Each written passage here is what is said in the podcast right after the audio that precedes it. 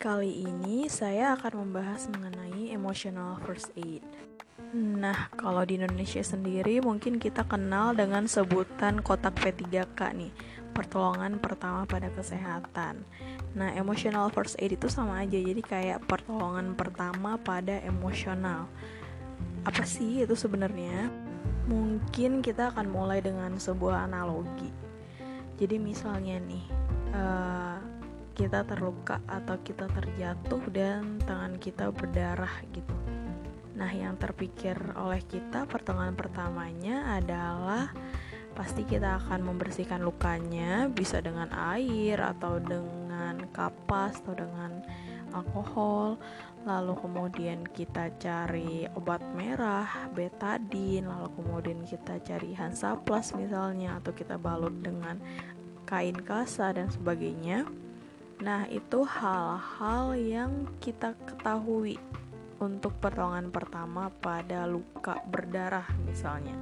Luka-luka ringan yang berdarah yang apabila kita tidak langsung uh, tanggapi atau tidak langsung kita tanggulangi luka itu bisa berakibat besar nantinya misalnya jadi in infeksi gitu pengobatan-pengobatan kayak gitu, potongan pertama pada luka fisik kayak gitu udah pasti sangat diketahui oleh setiap orang. Bahkan anak kecil sudah kita ajarin sejak dini untuk pertolongan-pertolongan pertama hal-hal yang berhubungan dengan luka yang bisa ditangani langsung oleh setiap orangnya. Nah, namun apakah kita pernah berpikir bahwa luka secara fisik kita mempunyai ini alat-alat untuk menanggulanginya? Nah, bagaimana dengan luka secara emosional, luka secara psikis gitu yang belum sampai luka mendalam yang harus kita bawa ke ahli. Tapi luka-luka ringan, luka-luka psikologis ringan, luka-luka emosional ringan yang sebenarnya merupakan awal dari suatu gejala yang nantinya bisa menjadi luka psikologis yang berat kebanyakan kita lebih sering mengabaikan luka-luka emosional yang ringan ini. Misalnya luka uh, dengan keadaan kesepian, misalnya luka dengan penolakan atau luka karena kehilangan dan itu sebenarnya adalah luka-luka emosional yang kalau misalnya tidak ditanggulangi uh, dengan baik bisa mengakibatkan luka yang sangat berat ke depannya gitu secara psikologis tapi kebanyakan kita tidak ngeh. Kalau misalnya luka-luka ini harus juga ditangani gitu harus juga dikasih obatnya sedari dininya. Lebih banyak dari kita itu kayak mengabaikan kayak ah ya udahlah lihat nanti aja gitu. Atau misalnya ah ini mah uh, denial aja lah. Jadi merasa diri baik-baik aja padahal sebenarnya kita mengalami luka secara emosional gitu. Misalnya dari penolakan orang atau misalnya uh, apa ya kesepian kesepian misalnya kenapa sih kita nggak diajak teman-teman sementara yang lainnya tuh kumpul bareng gitu? Atau kenapa sih kita merasa sendiri di tengah orang yang rame? Nah itu kan suatu tanda-tanda uh, kita secara emosional ada sesuatu gitu kayak ada rasa yang berbeda dari orang kebanyakan tuh kita nggak merasakan nih um, terlibat dalam misalnya dalam hubungan sosial itu dalam suatu komunitas tertentu. Atau kita nggak merasa enjoy nih berada di sini tapi kita memaksakan diri untuk enjoy kita uh, denial dengan perasaan-perasaan emosional kita itu. Dan pada akhirnya kalau misalnya terus-terusan di denialin terus jadi kayak misalnya dibantah terus oh enggak enggak enggak.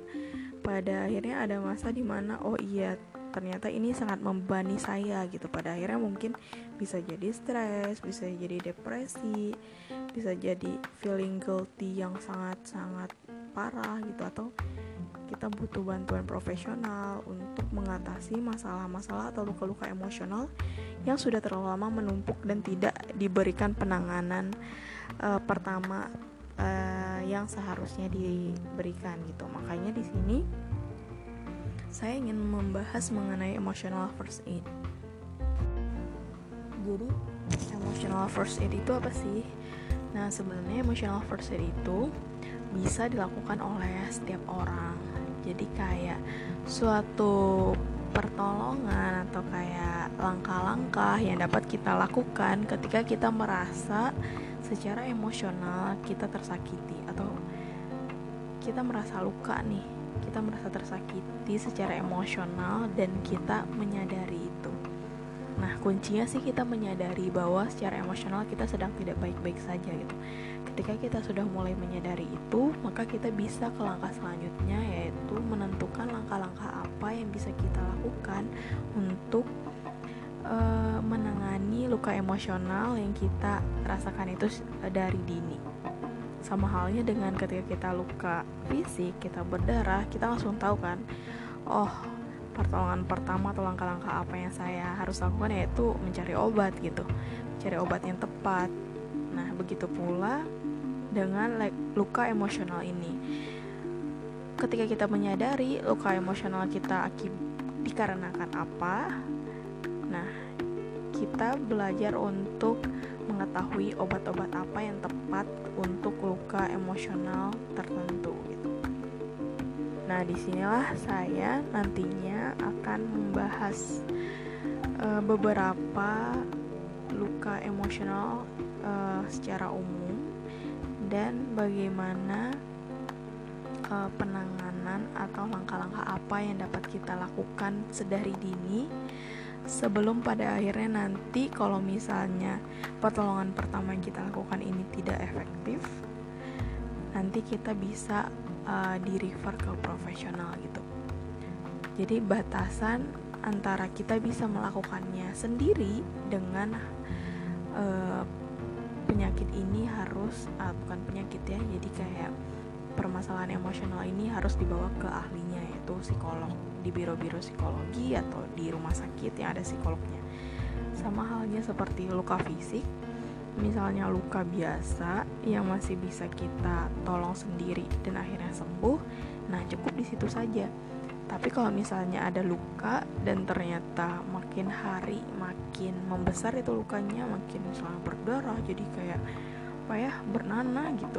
Nah itu kan butuh pertolongan dokter ya sebagai ahli. Nah barulah ke dokter gitu. Begitu pula dengan luka secara emosional ini. Nah, paling segitu dulu perkenalan saya terkait emotional first aid ini. Uh, nanti teman-teman bisa melihat lebih lanjut postingan-postingan lain. Nanti saya akan nge-share misalnya bentuk lukanya apa misalnya kayak luka emosional berupa kesepian gitu.